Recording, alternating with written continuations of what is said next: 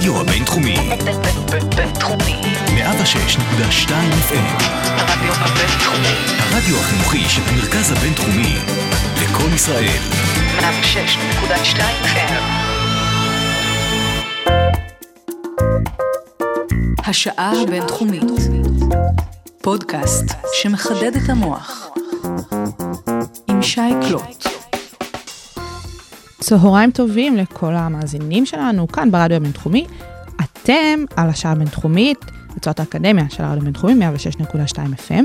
אני שי קלוט, וממש כמו בכל יום שני בצהריים, מצטרף אליי אחד מהחוקרים והמרצים כאן במרכז הבינתחומי, והיום הגיעה אליי מרצה וחוקרת, פעם ראשונה כאן בתוכנית וברדיו, והגיעה ומאוד התרשמה מהאולפנים הכיפים שלנו, וזה תמיד כיף שאנשים מתרשמים ממה שקורה פה, ואני מקווה שיהיה לנו גם כיף uh, בשעה הזאת. אז uh, נמצאת איתי כאן דוקטור דנה טבת, חברת סגל בבית הספר למינהל עסקים, כאן uh, בית ספר אריסון למינהל עסקים. דוקטור טבת היא מומחית להתנהגות קונים וצרכנים. אנחנו נדבר על הנושא הזה באופן כללי וגם מה שקורה לקורונה. בעברה הייתה מנהלת מחקר בארגונים גדולים כמו שטראוס והריבוע הכחול, ככה שהסיפור של העשייה שלה והניסיון שלה, אתם תראו, זה עובר כחוט השני בכל הדברים שנדבר עליהם. וכיום היא מתעסקת רבות בפדגוגיה ולמידה היברידית כאן בבית הספר למינהל עסקים פה במרכז הבינתחומי. ואנחנו נעשה לכם ספוילר, אנחנו נדבר בסוף איך כל הנושאים האלה מתקשרים אחד לשני, הסיפור של אה, מועדונות, מועדוני לקוחות וקמעונאות אה, אונליין והלמידה ההיברידית, וכמובן אנחנו לא נתעלם מהקורונה שפקדה אה, אותנו לרעה. ואיך דנה ראתה את כל זה מגיע מראש, היא עוסקת בתחומים האלה המון המון שנים. טוב, עשינו פתיח ממש ארוך, אז שלום דנה. אהלן. כיף שהצטרפת אלינו. אה, אז באמת כמו שאמרנו למאזינים בפתיח, אה, אנחנו נדבר על הסיפור של אה, קמעונאות, איך זה קשור לתקופת הקורונה, ואיך כל הדברים שאת מתעסקת בהם שזורים אחד בשני, ונצא לאיזשהו מסע. אז אולי באמת נתחיל קצת בסיפור של מושגים, או איזשהו רקע, איזשהו משהו יותר בייסיקי להתחיל. אה, מה זה בכלל הסיפור הזה של לקוח וקמעונאי? אז אה, אנחנו הרבה פעמים מדברים על קונה וצרכן, אז קודם כל נבין את ההבדל. הצרכן זה מי שמשתמש במוצר, והקונה זה מי שקונה אותו, ולמשל, אני יכולה להיות הקונה של האוכל לחתולים, אני אה, לא הצרכנית שלו לשמחתי, והתפקיד של הקונה והצרכן הם תפקידים שונים. כשאני מגיעה לחנות, והחנות יכולה להיות וירטואלית, אני מתנהגת אחרת אה, מהאופן שבו אני אתנהג כשאני צורכת את המוצר, ובעצם יש מחלקות שלמות בארגונים שהתפקיד שלהם זה בעצם לשווק לקונה, והן נקראות אה, מחלקות trade marketing, והן בעצם מבינות את הפסיכולוגיה של הקונה, יודעות איך אה, להציג מחירים בצורה מסוימת, איך אה, לתכנן את החנות בצורה שתפתה אותנו, זה מדע שלם. אה, אז זה משהו בסיסי, כשאנחנו אומרים קונה, זו הכוונה. זהו, זה מדע שלם, אני יודעת שיש חנויות שממש מתאימות את הריח שלהן, נכון? ללקוחות ו... כן, וכאלה. יש חתימות ריח, יש צבעים, יש אה, אה, בעצם מיצוב שלם של חנות אה, בצורה מסוימת שתדבר עם המותג. הדברים האלה לא מנותקים מהאופן שבו משווקים את המותגים, אם זה מותג ריטל למשל, אבל בסופו של דבר מה שקורה בחנות זה עולם בפני עצמו, ויש אנשי מקצוע שזה מה שהם יודעים לעשות. זה נשמע לי כיף. מי שמתעסק בעיצוב פנים וכאלה, אני בטוחה ש... שהוא נהנה לשייך איזושהי תחושה ו... ואווירה למותג. אמ, ואולי הנושא השני שנדבר עליו, זה בהקשר באמת של היחסים בין אה, לקוח ו... ומותג, או חנות, או חברה, או לא משנה איך נקרא לזה, זה הסיפור של מועדוני לקוחות, נכון? שזה אה, משהו שלכולנו יש. תכף ניצור רגע למספרים ונבין כמה מועדוני לקוחות יש בממוצע, אה, כמה אנחנו באמת משתמשים מתוך הכרטיסים שיש לנו בארנק. אבל בואו רגע נסביר מה זה בכלל מועדון לקוחות.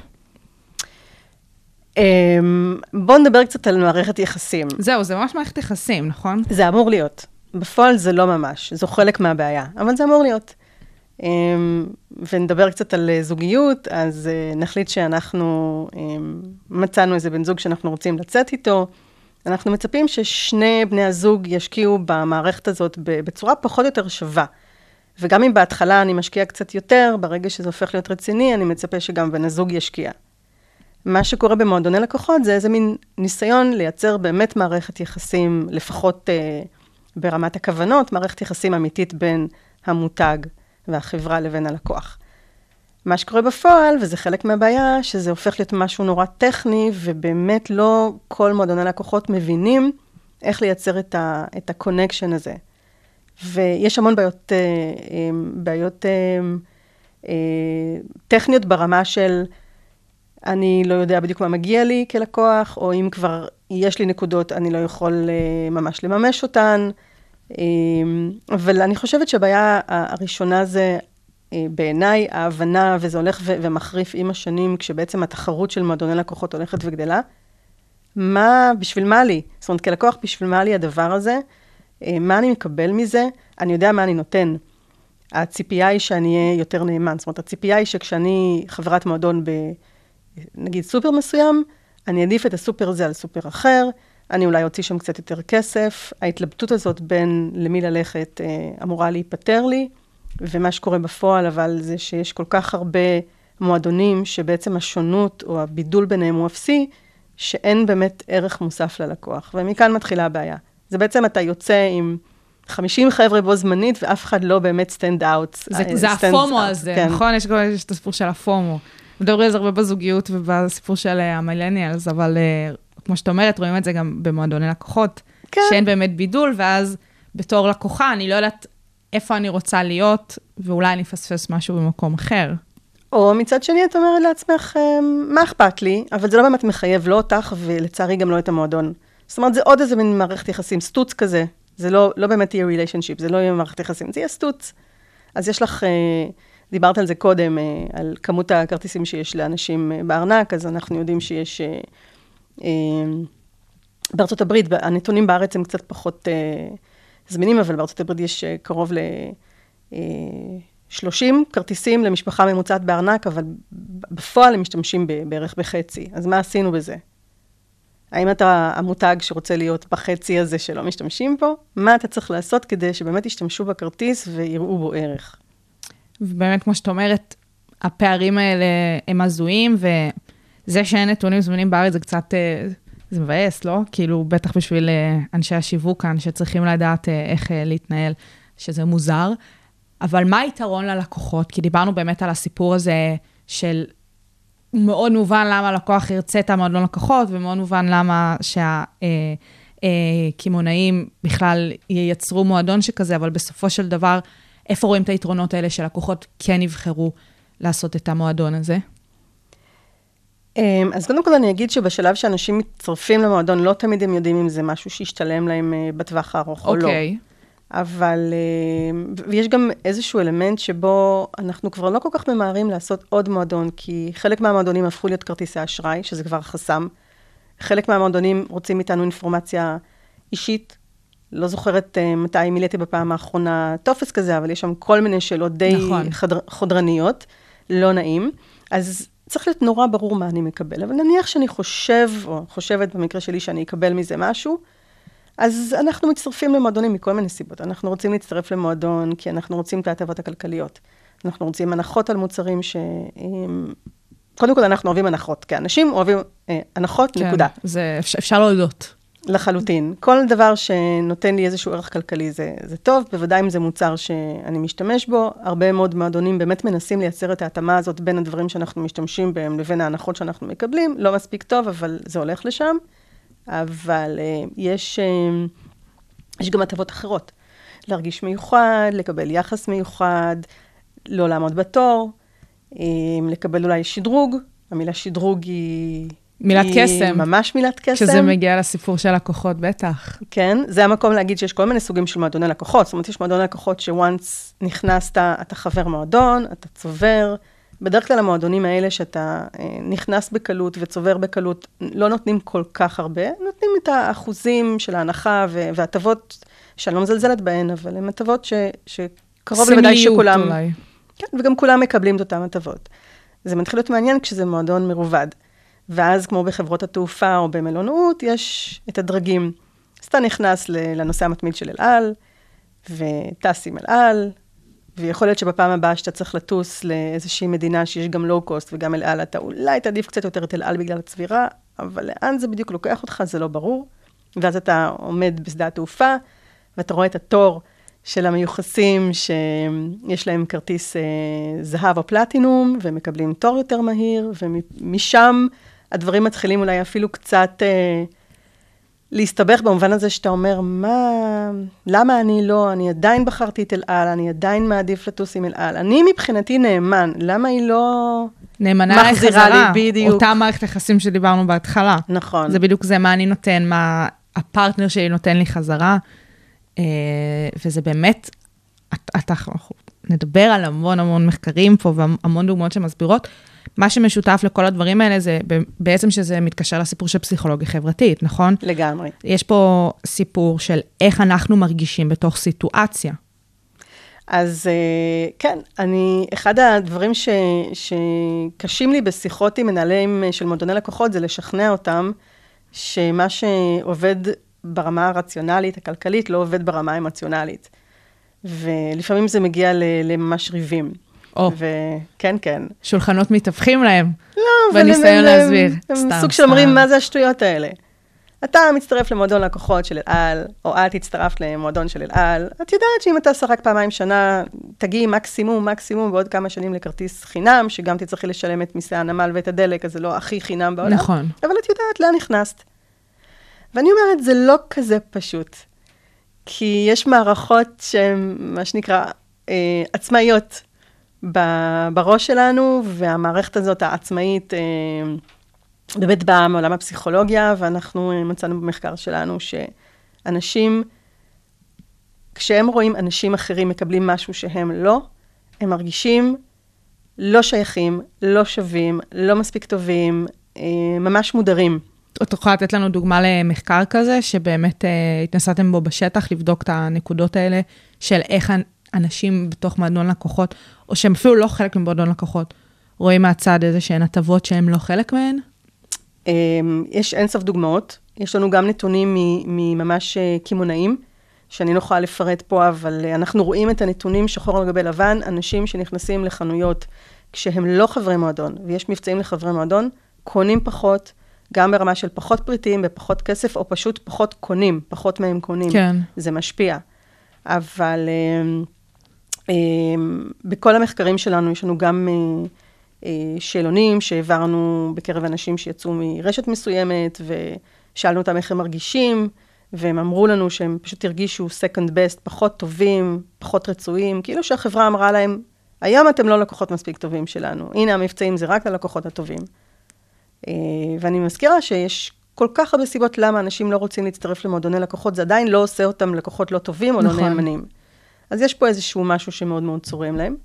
ובניסויים שאנחנו עושים, אה, אה, מה שנקרא במעבדה, אנחנו לא רק מוכיחים שאנשים מרגישים באמת מודרים, אה, מודרים במובן של, במובן הכי בסיסי של איך שאתה מרגיש, של להיעלב. ממש להיעלב, להיעלב. של אתה האחרון שנבחרת ב...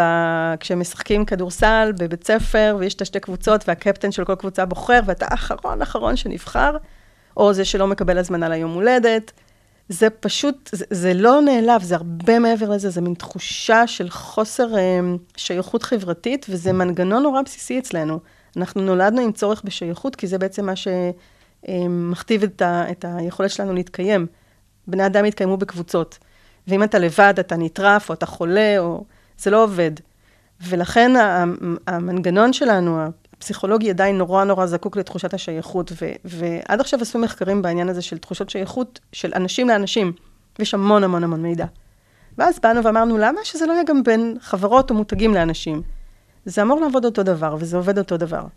עם כמה הבדלים כן, קטנים. יש סייגים ויש אה, הבדלים. עם כמה הבדלים קטנים, אבל, אבל זה, זה סיפור מוזר, מוזר לספר אותו. כשאני מדברת עם מנהל מועדון לקוחות, הוא אומר, מה את רוצה? אבל זה ברור שאם את לא שמה כך וכך כסף, את לא תקבלי את אותו יחס. זה, זה המצב, זה מה שאנחנו מוצאים, ובעצם אנחנו מראים שיש לזה הרבה השלכות שליליות על מועדוני לקוחות.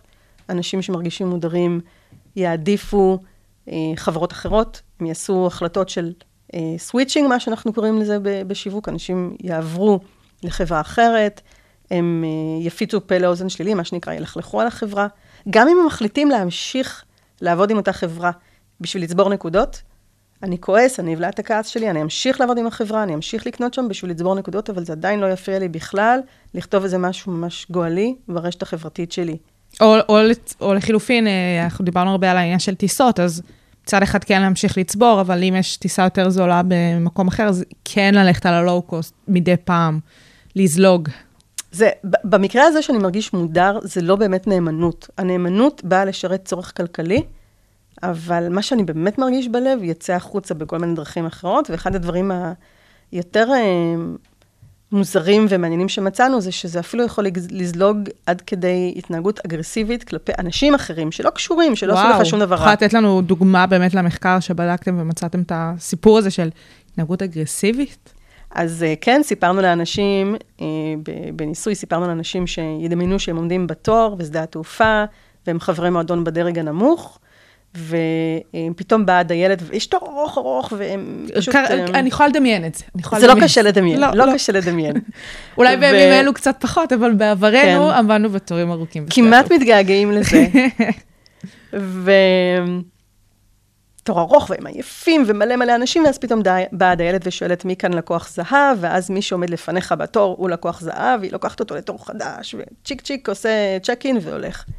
אז אתה בא עם הכרטיס שלך ואומר, אני גם לקוח של מועדון הלקוחות, אתה לא זהב, אבל אני גם לקוח. היא אומרת לו, לא, אתה לא יכול, אתה לא מספיק בכיר. מאוד כואב.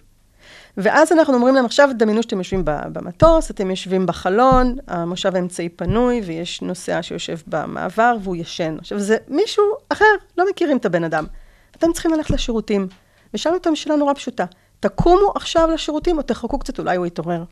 ומה שראינו זה שאנשים שקיבלו, שאמרנו להם שהם אה, ראו מישהו אחר, אה, לקוח זהב עובר לתור המהיר, לעומת אנשים שלא אמרנו להם שום דבר, קבוצת הביקורת. קבוצת הביקורת לצורך העניין, פשוט הרבה יותר נטו להעיר את הבן אדם הישן בשביל ללכת לשירותים, מאשר אנשים שהיו בקבוצת הביקורת. כאילו, התחושה הזאת של, אוקיי, פגעו בי קודם, אז עכשיו אני כל כך נעלבתי וכל כך פגוע, שאני אעשה מה שאני רוצה באיזושהי מידה. אני פשוט אוציא את העצבים שלי על מישהו אחר, גם אם הוא לא קשור. וזה, זה, אגב, זה לא רעיון שאנחנו המצאנו אותו, המחקרים בפסיכולוגיה חברתית, אה, בפסיכולוגיה על הדרה, מראים שאגרסיביות, אנשים שעברו אקט לא נעים של הדרה, יכולים להוציא את, ה, את האגרסיביות שלהם, ולא ניכנס לסיבות הפסיכולוגיות כן. שזה קורה, אבל יכולים להוציא את זה לאנשים אחרים לא קשורים. אז פשוט לקחנו את ה... את ה המתודיקה הזאת, את הרעיון הזה, והעברנו אותו מפסיכולוגיה לשיווק. לשיווק, ובאמת, מה שאת אומרת, לבדוק את היחסים בין אנשים לחברות. נכון. שזה כאילו חידוש, וזה מדהים שבשנים האחרונות זה חידוש, כי מועדוני לקוחות והסיפור הזה של חברות ויחסים בין חברות לאנשים, זה משהו שיש אותו שנים, בטח אה, בעולם המערבי, בטח במדינות של תאגידים כמו ארצות הברית, וזה באמת מחקרים מאוד חדשניים כרגע. אמ, מדברים המון על מערכות היחסים, אבל אני חושבת שבאמת הפן הזה, הפסיכולוגי, אמ, הוא חדש. יש הרבה מחקרים שמדברים על פריות, זאת אומרת, עד כמה זה הוגן. שגם יש איזה איזשהו אלמנט אה, חברתי, כי איך אני מחליט על הוגנות? אני מסתכל נכון, זה מה השכן לגמרי שלי קיבל. אתיקה ומוסר, מה זה פריות? זה אתיקה ומוסר, זה בדיוק כן? הסיפור כאילו, הזה. מה אני נותן, מה אני מקבל, שזה מה שאגב אומרים לך מנהלי מועדונים, אומרים לך, מה את רוצה? זה מה שנתת, זה מה שקיבלת. אבל זה לא עובד ככה. כי התחושות הסובייקטיביות שלנו של מה הוגן, מסתמכות הרבה פעמים על מה אחרים נתנו וקיבלו. ולפעמים, אגב, גם אם אני חושב שנתתי וקיבלתי איקס, אני עדיין חושב שאני מחויב רגשית, אני לקוח טוב, אני נאמן.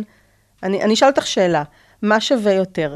בן אדם שטס עשר פעמים בשנה וטס אה, ארבע פעמים בשנה עם אל על, וכל השאר עם חברות אחרות, או בן אדם שטס פעמיים בשנה ואת כל הפעמיים הוא טס עם אל על?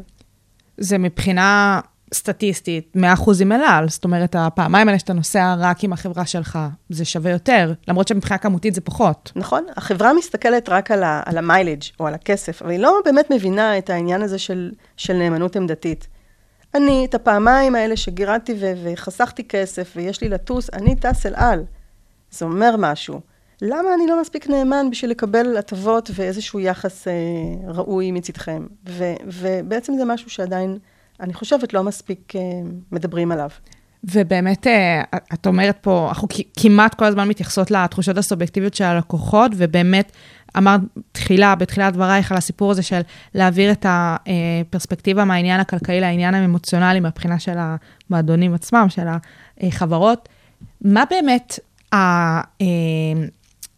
הנקודה שהחברות מסתכלות עליהן כשהן מתנהגות כמו שהן מתנהגות? את אומרת, טוב, לא באמת אכפת לי הסיפור הזה של ה-100% איתי או יותר איתי, אז מה, מה, מה מבחינה כמותית הם מסתכלים עליו? מה באמת השורות התחתונות שלהם?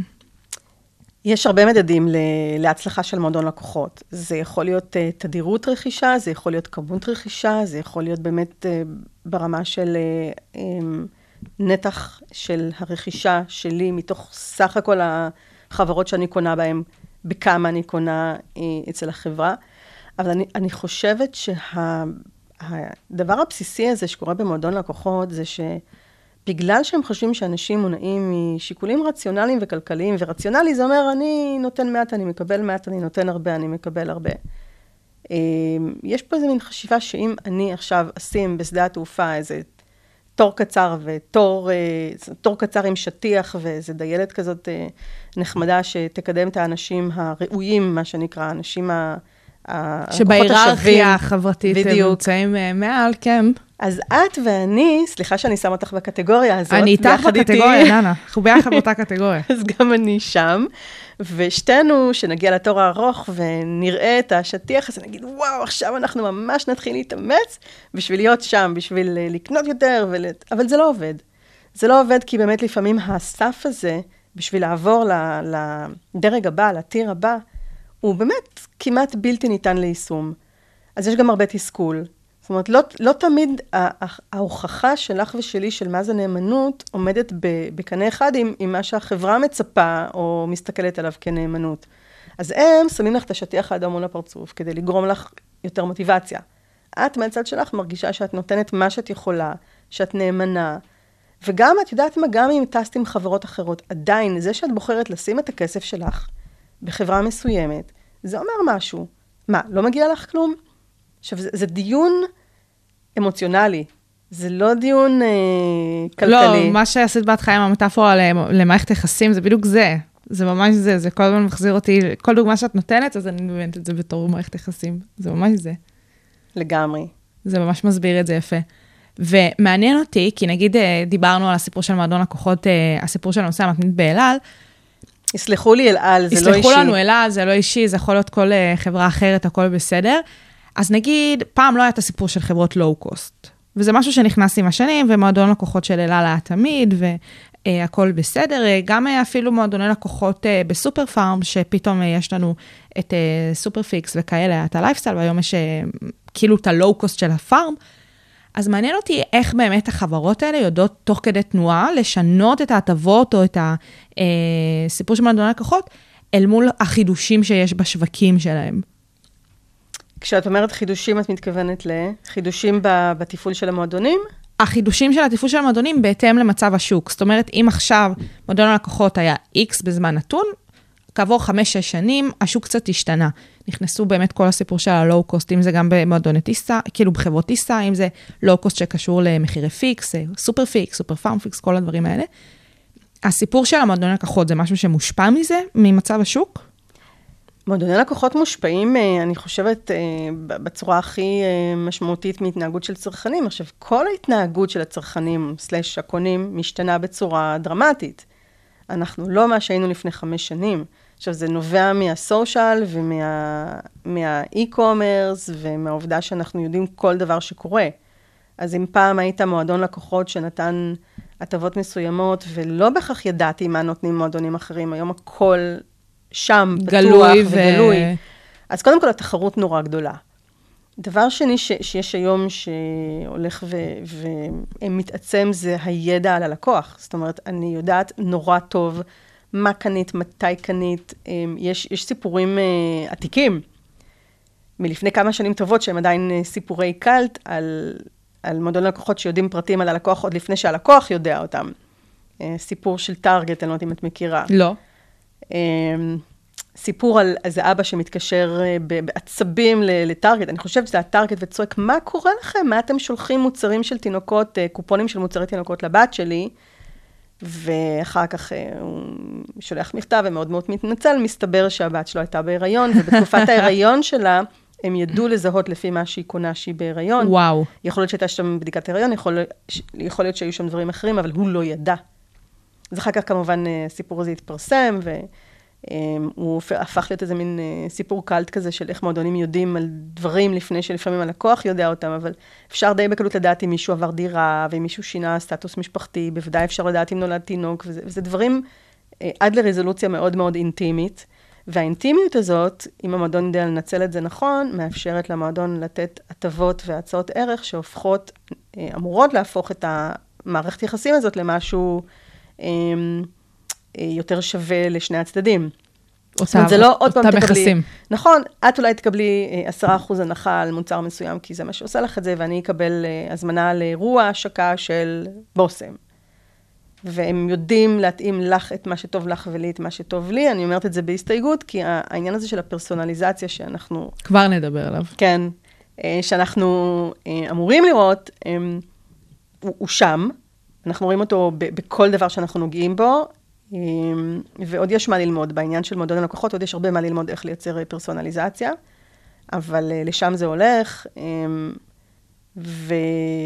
ולכן השאלה של מה, מה משתנה, איך יודעים, זה, זה פשוט הרבה הרבה נתונים על הלקוח, וככל שהנתונים האלה יגיעו מיותר ויותר ערוצים, אם את קונה גם בחנות הפיזית של סופר פארם וגם באונליין של סופר פארם, והם יודעים אה, לעשות אה, מעקב על הנייד שלך ועל הלפטופ שלך ו- ועל מה שעשית בקופה, אז יש להם המון מידע מכל מיני ממשקים, והם יודעים באמת להציע לך את הדבר הנכון בזמן הנכון. והעולם הקמעונאות שואף להגיע למצב של אומני צ'אנל, של חיבור בין כל הממשקים בצורה כזאת שאת באמת תרגישי שאת יוניק שם, שאת אחת ויחידה, שאת מקבלת את מה שאת צריכה, מתי שאת צריכה. ו... ועוד נדבר על הקטע הזה של ערוצים שונים שבסוף מתחברים לערוץ אחד. אז באמת, אה, רגע לפני הפרסונליזציה, כי זה נושא מסקרן ומרתק, אז אולי שורה תחתונה על הסיפור של מועדוני לקוחות, שיש מצב שזה יחבר אותנו לפרסונליזציה עוד יותר, זה איך באמת נכון לפעול במסגרת מועדון לקוחות מהכיוון של הקמעונאים. מה נכון לעשות כדי שהלקוחות שלנו, שנמצאים בתוך מועדון הלקוחות, ירגישו שווים, לא ירגישו את אותה הדרה, ועדיין ימשיכו להיות נאמנים למותג ולחברה.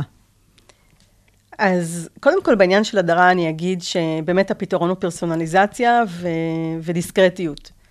בואו נפסיק לתת, אני לא, לא מדברת על דברים אה, כמו הנחות בחנות ש, שלפעמים אין ברירה, אבל קופונים, כן, אתה יכול לקבל אותם לנייד שלך או למייל שלך, לא כולם צריכים לראות בדיוק איזה קופון את קיבלת ואני קיבלתי. Mm-hmm. אה, אז, אז להיות הרבה יותר דיסקרטיים. אמ, עוד משהו, אגב, שלא ציינתי, שמצאנו במחקר שלנו, זה שכשהדיילת אומרת לך, את לא מספיק בכירה, את לא יכולה לעבור בתור, וכשמסך מחשב אומר לך את זה, את פחות נעלבת. זאת אומרת, אנחנו צריכים להפעיל יותר ויותר כלים דיגיטליים, במיוחד כשהבשורה היא לא נעימה, ואז זה הופך את החוויה לפחות חברתית, זה לא בן אדם אומר לך. זה קצת יותר קר ומנוכר, וזה עובר יותר חלק בגרון. או, או פשוט פחות פרטי. זה, דווקא אני לא רואה בזה קר ומנוכר, אני יותר רואה בזה משהו שהוא פחות אה, אינטימי ו- ופרטי, אלא משהו כזה יותר כזה, אם מחשב אמר לי את זה, אז, אז הוא לא יודע מי אני, הוא לא יודע עליי שום דבר, זה פחות כואב, זה mm-hmm. פחות חברתי כל הסיטואציה הזאת. אבל, אה, אז, אז, אז קודם כל הנושא הזה של אה, דיסקרטיות, מה שאפשר לתת, אני לא רוצה להגיד מתחת לשולחן, אבל בצורה כן, פרטית בצורה ואינטימית, אחרת, כן. שלא כולם יראו... אה, אם, אם חשבתם שלהוציא את זה החוצה ושכולם יראו ויקנאו וזה יעשה טוב, אז זה לא בהכרח עושה טוב, לפעמים זה עושה ממש רע. אז זה דבר אחד. וזה מאוד מתחבר לפרסונליזציה. אמ, ודבר שני, שהוא באמת קשור למערכת יחסים, ואני אמ, מקווה שבעלי לא שומע את זה. אני מקווה שהוא כן ישמע את זה. כן, אני מאמינה שהוא ישמע את זה. אמ, פשוט תגיד, תגיד, או תגידי מדי פעם, שאת אוהבת אותו, בלי 아, לבקש תמורה. בסדר גמור. בלי לבקש תמורה, פשוט כדי להגיד, כי, כי באמת את אמורה לאהוב אותו. לקבל איזה, איזה כזה איגרת בדואר וכאלה. מתנה קטנה. למה? לא כי אני רוצה ממך משהו, לא כי עבדת כל כך קשה בשביל לקנות אצלי. כי פשוט אני רוצה איתך מערכת יחסים ולעשות לך טוב, בלי לקבל תמורה. באמת מערכת יחסים. שכחנו מה זה מערכת יחסים. של זה לא קח ותן לרגע, זה באמת, אתה לקוח, נאמן, נאמן יותר, נאמן פחות, אבל אתה לקוח שלי, אתה בוחר לשים אצלי את הכסף. שוקולד קטן ליום הולדת, מה קרה? ולא, ולא בגלל שאת הוצאת אצלי יותר מאשר אצל מישהו אחר ולקוחה בכירה. לא, כי אנחנו פה ביחד. reminder, כן, זאת מערכת יחסים. ו- ויש retailers, יש קמעונאים שיודעים לעשות את זה.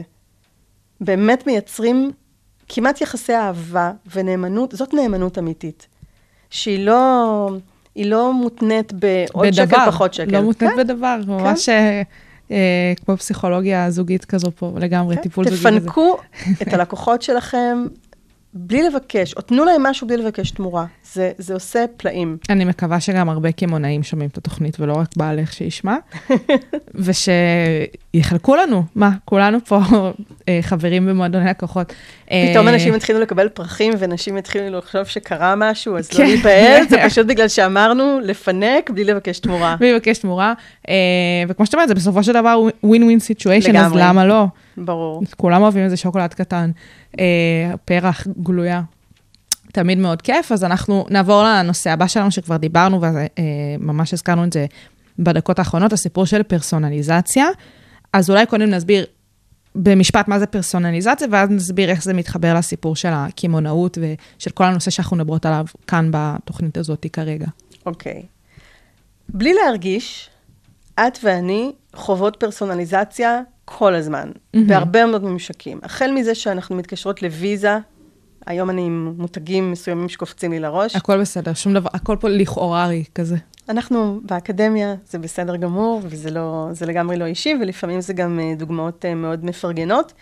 אה, אז את מתקשרת לוויזה, ויענו לך אחרי שתי דקות, ואני אתקשר לוויזה, ויענו לך אחרי חמש דקות, וזה פשוט בגלל שהם יודעים מי אנחנו.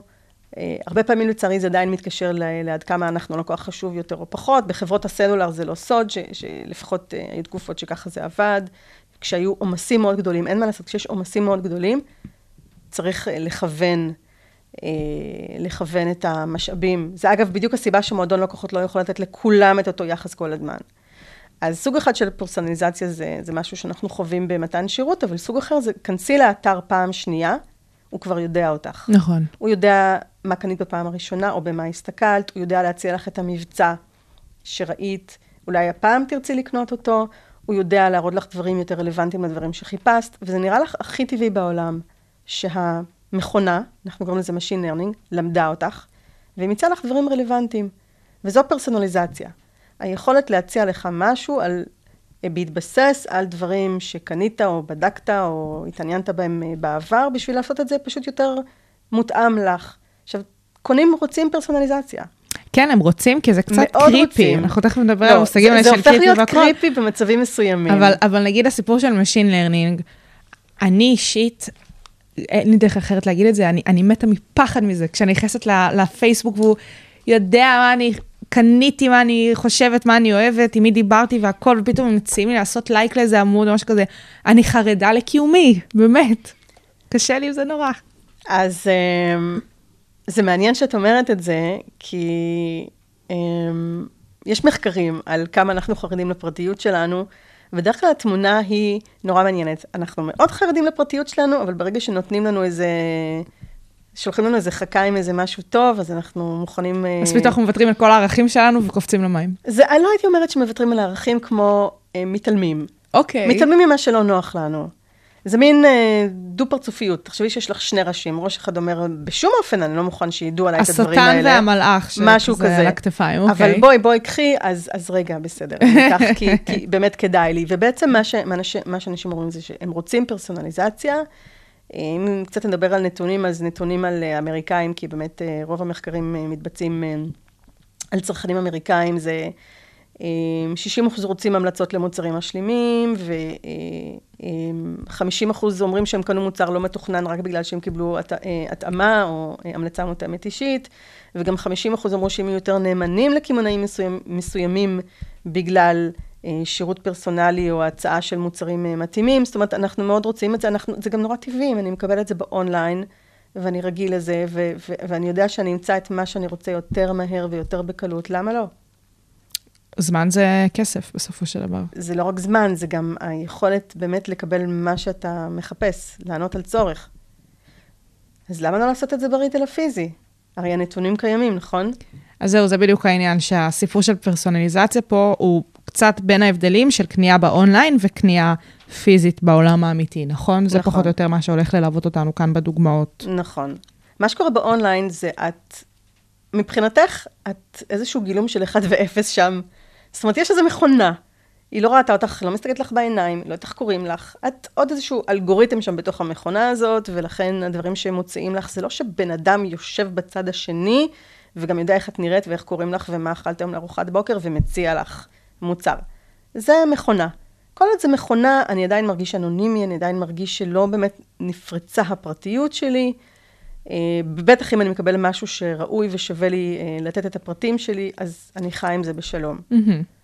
עכשיו, כמה זה שונה כשאני נכנס לחנות פיזית, שלצורך העניין, אם אני חבר מועדון, אני יכולה לדעת עליי באותה שנייה בדיוק מי אני, מה אני, מה אני אוהב, מה קניתי באונליין, מה אני קונה בחנות הפיזית, באיזה סט של כוסות הסתכלתי אתמול באונליין, עכשיו נכנסתי לחנות, וואלה, יש לנו את אותם סט של שש כוסות להציע לך, בואי, קחי.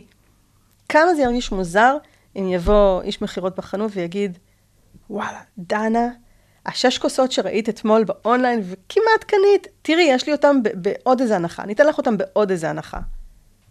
זה, זה כאילו נורא תלוי בעיניי בדרך שזה נעשה. כי אם את אה, תבואי ו, וסתם תסתכלי ב- באמצע החנות, אה, כשבלילה אתמול, סבבה, גוללת עצמך באפליקציה והכל, ופתאום אה, יבוא אלייך אחד מהעובדים בחנות, ו, ובלי הכנה מוקדמת, בלי איזושהי התראה, יבוא ויציע לך הנחה. זה מוזר, אבל בסדר, אבל יש דרכים אחרות לעשות את זה, בעיניי שזה יותר נחמד, ובסופו של דבר אפילו סימפטי ו, ו, וכיפי. אם את חושבת שהוא ראה מה שעשית, את יכולה לספר לעצמך סיפור נחמד של בסך הכל הוא עשה את העבודה שלו, הוא מסתכל על איך אנשים קונים, הוא רואה כן, שהסתכלת את והתעניינת והציע לך. כן. אבל זה לא הסיפור. זה לא הסיפור, לא בדיוק. הסיפור לא. הוא ש... לא, הסיפור הוא שאת חברת מועדון, יש את הכרטיס, בואי נגיד אפילו שהעברת את הכרטיס בכניסה לחנות, כן. והוא קיבל איזה פוש לסמארטפון, זה לא מדע בדיוני לא, לא, בכלל. לא, לא, לא. בכלל, היום יש טכנולוגיות, אגב, שיודעות לעשות את זה עם, עם אה, facial recognition, עם זיהוי uh, תווי פנים, זיהוי פנים. ויש יש חנויות כבר שעושות על זה אה, ניסויים ופיילוטים, ואת נכנסת לחנות, את כמובן, אומרים לך במה מדובר, את לא, לא מפתיעים אותך, את מוכנה להצטרף לפיילוט או לא, אבל מאותו רגע יודעים לזהות אותך. נכנסת לחנות, את לא מעבירה כלום. המצלמה בחנות יודעת מי את, מעבירה את זה למוכר, והמוכר יודע, ש- כזה רנטגן, יודע עלייך הכל. אמ, וזה כבר, אנחנו רואים ממחקרים שזה כבר מאוד מאוד מאוד לא נעים, כי מה שהיית קודם, 1-0 כזה, אלגוריתם עלום, עכשיו זה בן אדם מדבר איתך, ואומר לך, שי, מה העניינים, שי? נכנסת לחנות, את לא מכירה אותו, לא מכיר אותך, מה נשמע, שי? פחד אלוהים. וזה לא נגמר שם. אגב, זו הסיטואציה ממה שבדקנו שהכי מקריפה אנשים. אה, אני עם- עם כל השאר. יש, עוד- יש עוד הרבה, את לגמרי. ב, ב, בסביבה טובה. אוקיי. אמ, בדקנו המון סיטואציות של המלצות על מוצרים ומבצעים ומחירים, ו- ובואי אני אשלח לך את הדבר הזה הביתה היום בין 6 ל-8, כי זה הדברים שאני יודעת שאת אוהבת ששולחים לך בין 6 ל-8. ובכל הדבר הזה, זה שאומרים לך שלום כשאת נכנסת, מישהו שלא מכיר אותך, זה מאוד מאוד מאוד מקריפ. אה, אבל כל הסיטואציות מאוד מקריפות. והן מקריפות כי זה כבר לא אנונימי. כי יש פה, אנחנו, אנחנו עוד עובדים פה על, על uh, למצוא את התשובה המדויקת לאיפה הבעיה. זאת אומרת, אנחנו יודעים שאנשים מתייחסים לזה בצורה שזה מאוד מאוד מאוד לא נעים להם. אנחנו עוד מנסים להבין אם זו תחושה ששופטים אותם. וואלה, אני עכשיו ראיתי מה קנית, אני יודעת מה את אוהבת, ואולי יש פה איזה משהו כזה קצת אינטימי, ואולי אפילו קצת שיפוטי מצידי. אה, הסבר אלטרנטיבי יכול להיות שבעצם יש פה פשוט חדירה לפרטיות. המחשב יכול להציע לך דברים, אבל יש איזה מין חוצץ מאוד ברור בין איפה אני כבן אדם ואיפה המחשב, מכונה, אתר כמשהו דיגיטלי, ופה זה בן אדם מול בן אדם. יש פה איזושהי חצייה של קו. הדברים האלה שהמחשב יודע עליי, לא ציפיתי שהם יתורגמו לבן אדם שיבוא ויגיד לי את זה. אני יודעת ששי, שזה שקנית פה את המגבת הזאת הכחולה אתמול, לא יודעת מה עשית איתה, או מה את רוצה עוד, אבל זה שאני יודעת, ואת יודעת שאני יודעת, זה מאוד מאוד לא נעים. וגם פה, זה מעניין שהמחקרים שלנו עקביים, כשזה מחשב שמציע לך את הפרסונליזציה, זה פחות מלחיץ. זה פחות מלחיץ. פחות מלחיץ. אולי אפילו מחשב, עובר ממקריפ למגניב, נכון? כי זה הסקאלה שעשיתם? אה, נכון, אנחנו... אה, זה עדיין לא ממש מגניב, אוקיי, אבל פחות מקריפ. אבל זה פחות מקריפ, חוץ מבסיטואציה מסוימת שבה, כשאת אומרת, אם מחשב עכשיו הציע לי את זה, אז מישהו עוקב אחריי ביג טיים. זאת אומרת, יש... אני יכולה להגיד שב-90% מהסיטואציות, אם כבר אתה רוצה להציע לי משהו פרסונלי, שזה יהיה דיגיטלי, וירטואלי, לא בין אדם לבין אדם. וגם עדיין אנחנו חושבים שאם יש כאן משהו ממש ממש טוב, כאילו אם ממש תציע לי עכשיו משהו וואו וואו וואו, אז אני אגיד שזה פחות מקריפ מאשר אם תציעי לי משהו יחסית טריוויאלי. זה, אני, אני רוצה להציע את עצמי בתור אה, מישהי שתשתתף במחקר, כאילו, תשלחי לי מייל, אני אגיע. כי, כי בסופו של דבר, מה זה הסיפור של הקנייה? אנחנו באמת עושים את זה כל הזמן וכל היום. זה, וזה ממש ממש כיף. לא, זה, זה כמו, אה, זה במובן, במובן מסוים אה, פיצול אישיות, כי אנחנו באמת רוצים שירות פרסונלי. נכון. זה חוסך לנו זמן. תארי לך שבאמת, אם מוכר בחנות... אגב, סליחה שאני אני אומרת משהו ואני קוטעת. פרסונליזציה שאנחנו היינו בתור קמעונאים שואפים אליה, היא זאת שאנחנו מכירים מהחנות השכונתית של פעם. שאת לא בגיל הזה, אבל אני כן, לצערי, כבר בגיל הזה, ש, שעוד רשמו במכולת, והייתי נכנסת למכולת, וידעו בדיוק מי אני, ומי זה אימא שלי, ומי זה אבא שלי, ומה ובאיזה שלום אימא ומה מוצרים שלום את אבא. משתמשת. אז אולי לא עד הרמה הזאת, אבל, אבל לא היה פעם שהייתי נכנסת ולא היו שואלים אותי מה שלום אמא ומה שלום אבא, ואם לא היה לי כסף באותו רגע אז רשמו לי, וזה פרסונליזציה. או החנות, ש, שיש חנות בגדים מסוימת שאני קונה בה באופן קבוע, הן לא מכירות אותי בשם, אבל כל פעם כשאני נכנסת, הן מכירות אותי, והן יודעות איזה סוגים של מכנסיים אני אוהבת. כי הן זוכרות אותי, זאת פרסונליזציה. הניסיון שלנו, אה, של לקחת איזה חנות רשת גדולה של מוכרים שמתחלפים ולתת את זה שם, זה חלק מהסיבה שזה קריפי, כי זה לא אמיתי.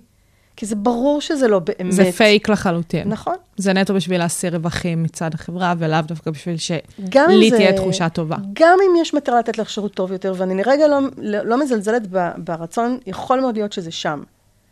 אני, אני בטוחה ש, שרשתות רוצות לתת שירות טוב יותר, וזה ווין ווין, אבל העובדה שהמידע עלייך בא מאיזשהו אה, ענן של נתונים, שלא ציפית שישב אצל המוכר, ופתאום יושב אצל המוכר, וכל הדבר הזה הוא בעצם, הוא מרגיש לא, הוא מרגיש לא נכון. הוא מרגיש... אמ, אותה תחושה קריפית נכון, שהשתמשתם ב- במחקר. נכון. וזה באמת פחות כיף. אז מה, מה בתכלס, איך אפשר לעשות את זה נכון מצד הקמעונאים? לתת את תחושת פרסונליזציה הזאת, גם אם זה באונליין, ובעיקר אם זה מן הסתם אה, בקנייה הרגילה הפיזית. אה, אז בואי נדבר על הפיזי, כי האונליין, אני חושבת שאנחנו שם וזה די, אה, וזה עובד די בסדר. טבעי, נכון. אמ, קודם כל, את רוצה לתת שירות פרסונלי? תרשמי את הלקוח ותגידי לו בדיוק, אבל בדיוק בדיוק מה, למה הוא יכול לצפות. מה זה אומר? שיבין. שקיפות, שקיפות. נכון, שקיפות, שיבין. שיכול להיות שבפעם הבאה שהוא ייכנס לחנות, ייגש אליו מישהו שהוא לא מכיר, איך הוא יודע את הפרטים עליו, מאיפה באים הפרטים. הפרטים עלייך מגיעים מנתוני כרטיס המועדון לקוחות שלך, שאת מעבירה כשנכנסת לחנות, ואז... עכשיו, אם נכנסת לחנות ובחרת לא להעביר את הכרטיס, את שקופה ואף אחד, לא שקופה, אבל אנונימית ואף אחד לא ידבר איתך. לפחות בואו ניתן פה את זכות הבחירה ללקוח. את האוטונומיה לבחור. נכון, ספורה עושים את זה מאוד יפה, יש להם סלסלה אדומה וסלסלה שחורה, את נכנסת לחנות, ושם אם בחרת את האדומה, אז אומר אני רוצה שירות, ואם בחרת שחורה, אל תדבר איתי היום. אז למה לא לעשות את זה? כאילו, תן לי לבחור אם אני רוצה היום שירות פרסונלי או לא, תגיד לי מראש בדיוק מה זה אומר מבחינתי, ו- וכמובן תשתדל שזה יהיה כדאי לי מאוד. זאת אומרת, אל תציע לי עכשיו לקנות בהרבה כסף משהו ש... אולי היה יכול לעניין אותי אם אתה יכול להציע לי הטבה ממש ממש טובה, ששווה לי בשבילה לדעת שהמידע האינטימי שלי יושב אצל איזשהו מוכר שלא ראיתי ואולי אני לא אראה עוד פעם בחיים שלי. זה, זה, זה כאילו, את אומרת פה דברים שהם כל כך הגיוניים, ועדיין לא עושים אותם. ועדיין לא עושים אותם. או מתלבטים באיך לעשות את זה. כן. אולי שישמעו לחוקרים מדי פעם. זה חשוב. אם היית יודעת איזה פער יש בין הפרקטיקה לה- לאקדמיה, שזה מדהים, כי אני מגיעה מהפרקטיקה, והתעסקתי במחקר אה, רוב חיי הבוגרים, מחקר שיווקי לחברות גדולות, והמידע שיש היום בהתנהגות אה, צרכנים באקדמיה הוא אינסופי. אין נושא שאין עליו אה, מידע אמפירי. והדברים האלה לא ממש מתיישבים עם מה שקורה בפרקטיקה. זה לא כל כך מתיישב, וזה באמת, כמו שאת אומרת, בסופו של דבר חבל, כי אם אה, חברות רוצות להגדיל רווחים ולהגדיל אה, קונים וצרכנים, אז חבל לא להשתמש באינפורמציה הזאת שבאמת קיימת. כן. תבואו, תיקחו את זה. שזה נכון, אבל אני יכולה להבין למה זה קורה, כי באמת אה, בפרקטיקה אתה כל הזמן עסוק בניסוי וטעייה שלך, ובאקדמיה יש את המאמרים. תשמעי, לא, לא כולם הם כזה כיף לקרוא וכל כך קל להבין, ויש המון המון חומר. נכון. אז אין את הגורם הזה שיזקק ויעשה את ה... את הלעיסה ואת ההעברה של הדברים כן. הרלוונטיים. זה לא, לא מדויק שאין, יש, יש כל מיני פלטפורמות וכל מיני אה, מגזינים וכל מיני, אבל זה, זה זולג פעם ב... הם יכולים להאזין לנו. אפשר. לשלוח להם את הפרק חופשי. ושישמעו. ובאמת, אולי זה השלב שנדבר על הסיפור של הקורס שלך, של המסע, של מסע הלקוח, כי זה איפשהו מחבר בין הפרקטיקה לגמרי. והאקדמיה, שזה בעצם אה, קורס שנתי שאת מעבירה כאן בבינתחומי, אז בואי אה, תספרי לנו מה זה בעצם, מה הרציונל שעומד מאחוריו. טוב, אז, אז אה, לפני כמה שנים, אה, אני הגעתי מעולם הקמעונאות, אה, גם שטראוס הקמעונאי גדול, וגם, לא קמעונאי, זה יצרן שעובד עם קמעונאים, וגם הריבוע הכחול זה קמעונאי, והיה לי גם כל מיני קדנציות של מחקרי קונים בחברות מחקר מובילות, אז קמעונאות היא בדמי, ואז אמרתי, אני הולכת ללמד שיווק קמעונאי, ואז בעצם הרמתי קורס של כמה שנים טובות שנקרא שיווק קמעונאי, של באמת ה basics, במה זה אומר אה, להגיע, להיות איש שיווק, שצריך להבין משהו בקמעונאות, ואני באמת שמחה להגיד שיש לי סטודנטים ש, שאני פוגשת שנים אחר כך, שאומרים שזה פשוט אה, הציל אותם, הן בראיונות עבודה, ואחר כך כשהם התקבלו למקומות עבודה, כי בדרך כלל אנשי שיווק לא מבינים קמעונאות בכלל. ובסוף, אם אתה, בעיקר אם אתה איש שיווק של, של אה, אה, אה, מוצרים שהם אה, B2C, שבסוף הם מגיעים ב mass market ללקוח הסופי, מה שנקרא FMCG, שזה אומר? fast, אה, fast moving consumer goods. אוקיי, אוקיי. אה, ואז בעצם אה, נכנסים לחנות ווואו, לא יודעים מה, מה אני רואה פה בעצם, מה קורה פה, מי נגד מי, מה עושים. ואז, אז הקורס הזה כבר היה איזושהי אה, אה, מתנה קטנה. ואז שנה שעברה בעצם הרחבנו אותו לקורס שנקרא שיווק אה, רב-ערוצי, והשנה אנחנו מרחיבים אותו ל, לקורס, בעצם הפכנו אותו להיות קורס שנתי, שגם שנה שעברה, אגב, כבר אה, ליוו אותי אה, שתי אה, סמנכ"ליות בכירות בתעשייה, והן מלוות אותי גם השנה. אה, הן בעצם שתיהן היו נשות שיווק, מהתפקיד הבסיסי ביותר ועד לתפקידים הבכירים ביותר. אחת היא מנכ"לית היום, השנייה היא סמנכ"ל שיווק, והם בעצם עברו את כל השרשרת הזאת של מה זה להיות איש שיווק בדרג הבסיסי, ולהתגלגל לאט לאט בארגון. ואיך מנהלים את מערך השיווק של החברה. כן, אבל מה אתה עושה? אתה מתיישב בכיסא, ומה עכשיו? ואין לנו, לנו קורסים שכל כך מדברים על מה עכשיו. מדברים המון על, על, אה, על תיאוריות. אני יכולה להגיד שיש לנו יותר ויותר במנהל עסקים קורסים פרקטיים מעולים, מעולים. באמת, אני, הלוואי שהייתי סטודנטית היום למנהל עסקים. אני אומרת את זה בשיא הכנות. אה, קורסים על, אה, על אה, ניהול אה, הלקוח, וקורסים של אה, שיווק אה, דיגיטלי, וקורס ניהול השיווק שלנו, שיש בו ממש פרקטיקה של ממש אה, שיעורים שהם סדנה של איך לעשות פרסום בפייסבוק, או דברים מדהימים. בקורס הזה אנחנו בעצם, הוא מיועד לשנה ג', אנחנו אומרים, התיישבת בכיסא, מה עכשיו? ובעצם, למרות שאנחנו קוראים לו מסע הלקוח, הוא סוג של גם מסע של מנהל השיווק. של, אוקיי, אז קודם כל בוא נבין מי אתה בארגון הזה, ואיזה עוד אנשים מתעסקים איתך כאיש שיווק בארגון. יש מחקר, ויש דיגיטל, ויש אה, אנליסטים, ויש אה, סיילס, ומה אחר כך? אז מה החזון של הארגון, ואיך מהחזון הזה גוזרים את הערכים ואת המטרות, ואיך מהערכים והמטרות אני מייצר אסטרטגיה. ואז האסטרטגיה הזאת, רגע, איזה אסטרטגיה מתאימה לי? אני צריך להבין את הצרכן שלי, אז איך אני מבין את הצרכן שלי? ואז יש לי כבר אסטרטגיה ואני יודע, אני יודע מי אני, אני יודע מה המיצוב שלי ומה הבידול שלי ומה הערך המוסף שלי, אז איך זה בא לידי ביטוי באריזה, במחיר, בתקשורת השיווקית. ואז אנחנו מכניסים קצת את הקמעונאות, כי אי אפשר בלי, כי זה חלק מאוד מאוד משמעותי בעולם הזה של מנהל השיווק, ואז אנחנו מדברים קצת על נאמנות לקוחות, ומדברים קצת על, אה, על משברים בארגונים. ו... ממש בתוך שנה הופכים את הסיפור הזה של מנהל שיווק לתוך חוויה סטודנטיאלית לחלוטין, שכמו שאמרת, משלבת בצורה מדהימה את הסיפור של התיאוריה והפרקטיקה, ונוגעת במלא מלא מלא תת-תחומים. אה, זה החזון, זו המטרה. אה, באמת זה, זה לא יכול להיות לעומק, מצד שני זה, אה, זה הכי פרקטי שיש. זאת אומרת, עם דוגמאות פרקטיות של באמת דברים שאותם מנהלות עשו, ו... וגם באיזשהו רצף כרונולוגי שקל לה... לעקוב אחריו ולהבין אותו. ו... ובסופו של דבר ליישם. ככה כן. מרגיש לי. נכון, הם באמת אחר כך מקבלים תרגיל שהם צריכים ליישם את זה. מושלם, מושלם, מושלם. נראה לי ממש כיף, כמו שאת אומרת, אה, אולי גם לי יש קצת חשק להיות סטודנטית למנהל עסקים כיום. אה, נראה, מוזמנת. נראה, נראה. אה, בינתיים, אה, אני לא שוללת, אבל זה עדיין לא הדרך. אז באמת ממש מגניב. דיברנו מקודם על שני נושאים ממש גדולים, עכשיו את מראה איך את מיישמת את זה כאן בקורס. ואולי אנחנו מגיעות כזה לקראת סיום התוכנית, נדבר אה, על הדבר הגדול שקורה, על הקורונה, ואנחנו נקשר את זה בעצם לקשר בין קמעונאות לפדגוגיה, וכיצד הקורונה האיצה את התהליכים האלה, כי אנחנו גם כולנו פתאום התחלנו ללמוד בזום ובאונליין, וגם לקנות באונליין, וזה לא שלא היה את זה קודם, היה את זה קודם, אבל זה האיץ את התהליכים, אז אה, באמת אולי נתחיל מהקמעונאות, כי אנחנו קצת בתוך זה, אז אולי נשים את הדגש או את האצבע על ההבדל העיקרי בין קנייה פיזית לקנייה אונליין. מה, מה אפשר להגיד על ההבדל הזה?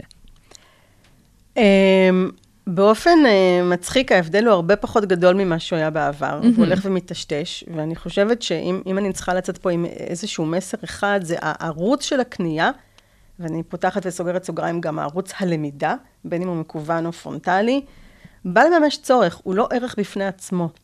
אני לא קונה באונליין בשביל לקנות באונליין. אני קונה באונליין כי, סתם, דוגמה, אני קונה אה, חולצות בית ספר עם הדפס של הבית ספר, ממש לא מעניין אותי איזה גזרה זה, ואם זה כחול או, או ירוק או שחור. מה שאני רוצה זה לגמור את זה בקליק, שזה יגיע אליי הביתה, לא מעניין אותי להתעסק עם הדבר הזה, ולכן אני קונה את זה באונליין. לא כדי לקנות באונליין.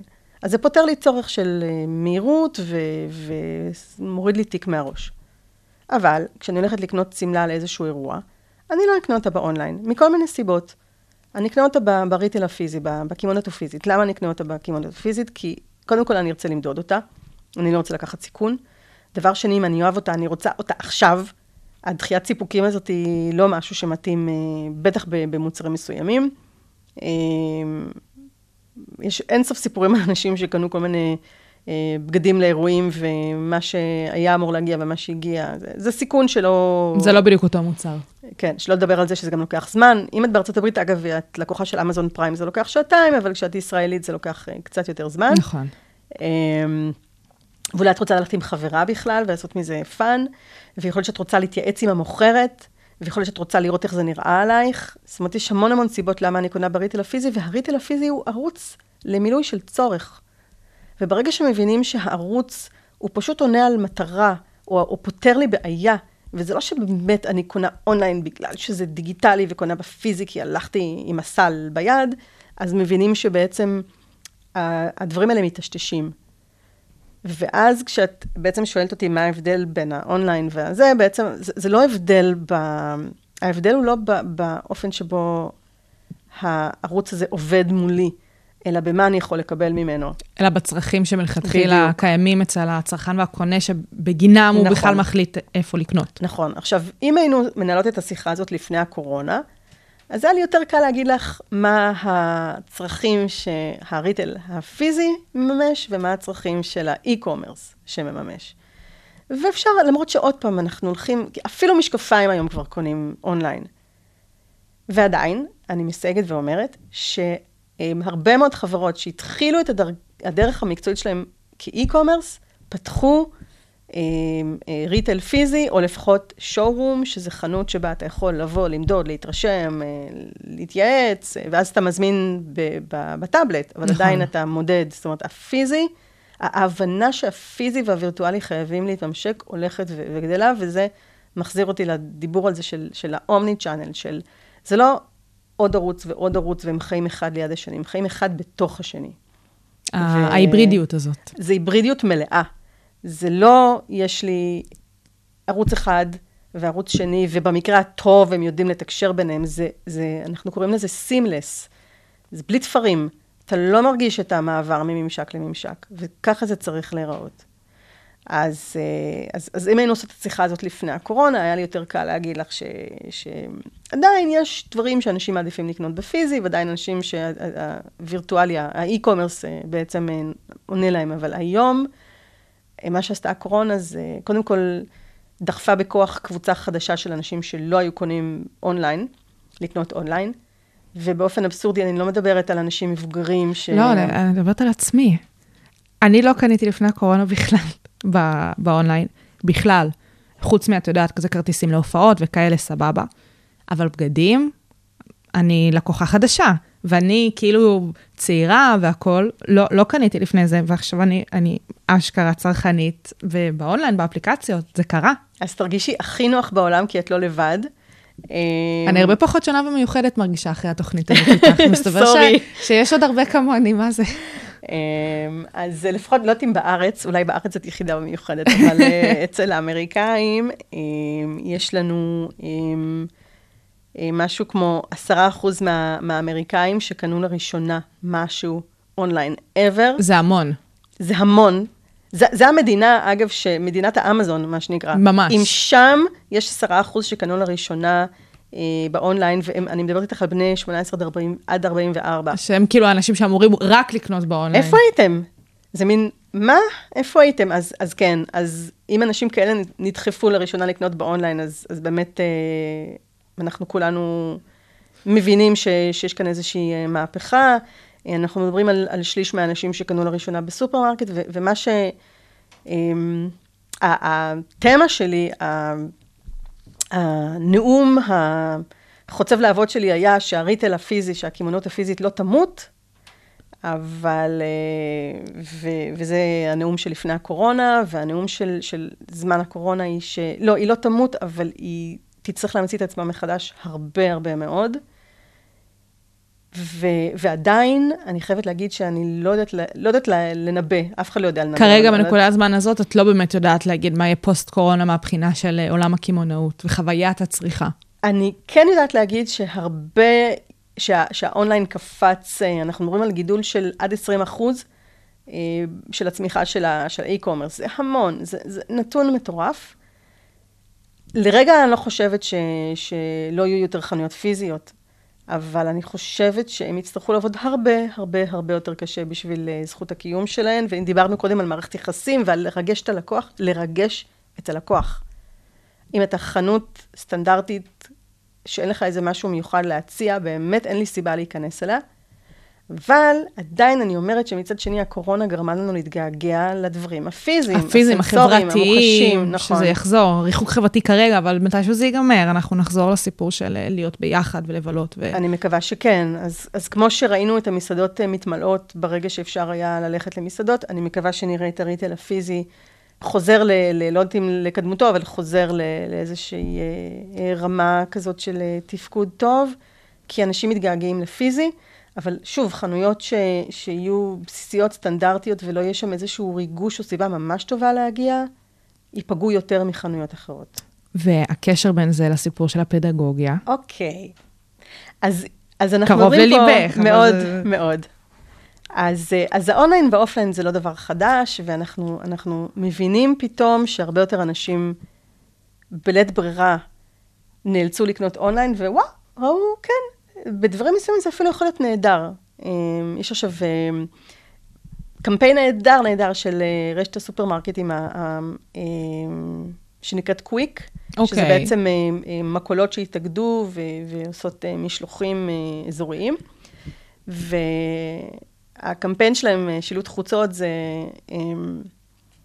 וואי, אני הולכת לקלקל את זה עכשיו ביג טיים, אבל משהו כמו, למה להימרח בתור כשאפשר למרוח לק? בסדר? בסדר? או המון המון דוגמאות כאלה אה, נהדרות שממחישות את מה אני יכול לעשות עכשיו בזמן שלי במקום לעמוד בתור. שאנחנו מדברות על זה לאורך כל התוכנית, הסיפור הזה של הקנייה באונליין, או אה, איך הפרסונליזציה חוסכת לי זמן, זה בדיוק הדברים האלה. אז, אז כן, אז מדברים לא רק על חיסכון בזמן, מדברים על כל מיני דברים, על, על ערך אחר של, של הקנייה באונליין, אבל, אה, אבל זה קמפיין מגניב. אז, אז זה לא דבר חדש, העניין הזה של, ה, של הקנייה אונליין ו, וקנייה ב, ב, הפיזי, אבל פתאום אנחנו מבינים את הערך האמיתי, ומקבלים גם ערכים חדשים שלא חשבנו עליהם. עכשיו נדבר על אקדמיה. תמיד היו אה, אוניברסיטה פתוחה. תמיד היה דבר כזה, אוניברסיטה פתוחה, שאנשים קיבלו את המטלות שלהם, למדו לבד, שלחו את המטלות שלהם אה, אה, פעם בדואר, היום זה דיגיטלי. אה, ואז בשנים האחרונות אה, אנחנו רואים שיש אה, כל מיני אה, פלטפורמות שצומחות שמאפשרות לאנשים ללמוד מרחוק, קורסים שלמים וקורסים ברמה מאוד מאוד גבוהה. מדברת על, על כמו קורסרה ואדקס ו- ודומיהם, ש- שאוניברסיטות מובילות בעצם מפתחות את התכנים האלה. בסוגריים אני אגיד שעדיין שיעור המסיימים קורסים כאלה הוא נמוך. זאת אומרת, אנשים לא ממש מסיימים את ה... אולי נכנסים, מתעניינים, אבל לא, לא תמיד שורדים את זה. פתחתי, סגרתי סוגריים. אבל תמיד הייתה הוראה מקוונת. ועכשיו כולנו פתאום, ביום בהיר אחד, נאלצנו לעבור ללמד בזום. אה, עכשיו, אני, אני מנהלת את ההוראה ההיברידית, ההיברידית בבית ספר למנהל עסקים כבר שנה רביעית, הרבה לפני הזום, ואנחנו, מה שאנחנו עשינו ביותר מ-20 קורסים, זה בעצם שילבנו בין תכנים אסינכרונים, שבעצם אה, הם מוקלטים מראש, והסטודנט לומד באופן עצמאי, לבין תכנים סינכרונים, שזה שיעורים פרונטליים. וראינו שהדבר הזה עובד די טוב, כי יש דברים שאני לא צריך לעמוד בכיתה ולהסביר. במקרה שלי, אני לא צריכה לעמוד בכיתה ולהסביר. אני אתן לך לקרוא את זה לבד, או אני אקליט סרטון של עצמי מדברת על זה. תראי את זה איפה שאת רוצה, את רוצה את זה באוטובוס, את רוצה את זה בתור לרופא שיניים, מה שנוח לך. כשתבואי לכיתה, נדבר על זה. נקיים ואז, את הדיון. נכון, ולמה זה טוב? כי אז מה שנעשה בכיתה זה לא נבזבז במרכאות את הזמן. על המושגים ועל התיאוריה. או על הדברים היבשים. בדיוק. אנחנו ניישם אותם. אנחנו נעשה משהו שהוא הרבה יותר משמעותי, גם לניסיון שלי כמרצה וגם לחוויה שלך כסטודנטית. ו... והנה בא הזום, ובעצם אה, הראה לנו שיש הרבה דברים טובים בזום. יש גם הרבה דברים מאוד לא טובים בזום. אבל אנחנו היום מבינים שהוא עוד כלי שאפשר להשתמש בו. ואנחנו הולכים לעולם היברידי. ועכשיו בתור אה, מרצה שמכינה את הקורסים שלה לסמסטר הקרוב, וגם מייעצת ועוזרת למרצים אחרים, אני יכולה להגיד שהתמיל האולטימטיבי זה איזה מין, תחשבי שאת כמו עוצרת במוזיאון של תערוכה. את מארגנת תכנים מכל מיני סוגים, יהיו תכנים אסינכרונים מוקלטים מראש, ולאו דווקא תכנים שלך. תחליטי שאת רוצה שסטודנטים שלך יראו איזה TED, או יראו הרצאה של מרצה אחר, או יראו, או יקראו איזשהו תוכן. תשלבי את זה ביחד עם קצת מה שאת עושה בזום. תשלבי את זה ביחד עם משהו שאולי יש פה גם כיתות שבהן אפשר ללמוד פרונטלית. ואגב, גם פעמים כתיקונם, הזום יכול להיות יופי של דבר לשעות קבלה. נכון. אה, יכול להיות יופי של דבר לעבודה קבוצתית של סטודנטים שלא צריכים להיפגש, אלא יושבים בצ'טרום ועושים עבודה קבוצתית. אז, אז בעצם למדנו שיש, כמו שאמרתי בריטל, הערוץ הוא לא מעניין, זה בעצם הצרכים שהוא עונה עליו והמטרה שהוא יכול לספק. ו, וגם בהוראה. יש היום כל כך הרבה נגישות לכל כך הרבה חומרים. נגמר העולם הזה שבו המרצה בא ומדקלם משהו שאת יכולה ללמוד לבד. את לא, באמת לא צריכה אותי בשביל להגיד לך משהו שאת יכולה או לקרוא לבד, או לראות סרטון שאולי מישהו שקצת יותר מוכשר ממני אה, הקליט אותו. אה, בשביל מה את צריכה אותי? א', שאני אגיד לך איזה תוכן זה רע ואיזה תוכן זה טוב. מה אני רוצה שתוציאי מהתוכן הזה. עכשיו בואי נדבר ונעלה רמה בתובנות שאפשר לגזור מהתוכן הזה. תני לי לנהל את השיעור בצורה כזאת שכולכם עברתם על התוכן, ועכשיו איך אנחנו מיישמים את זה. זה, זה הסיפור.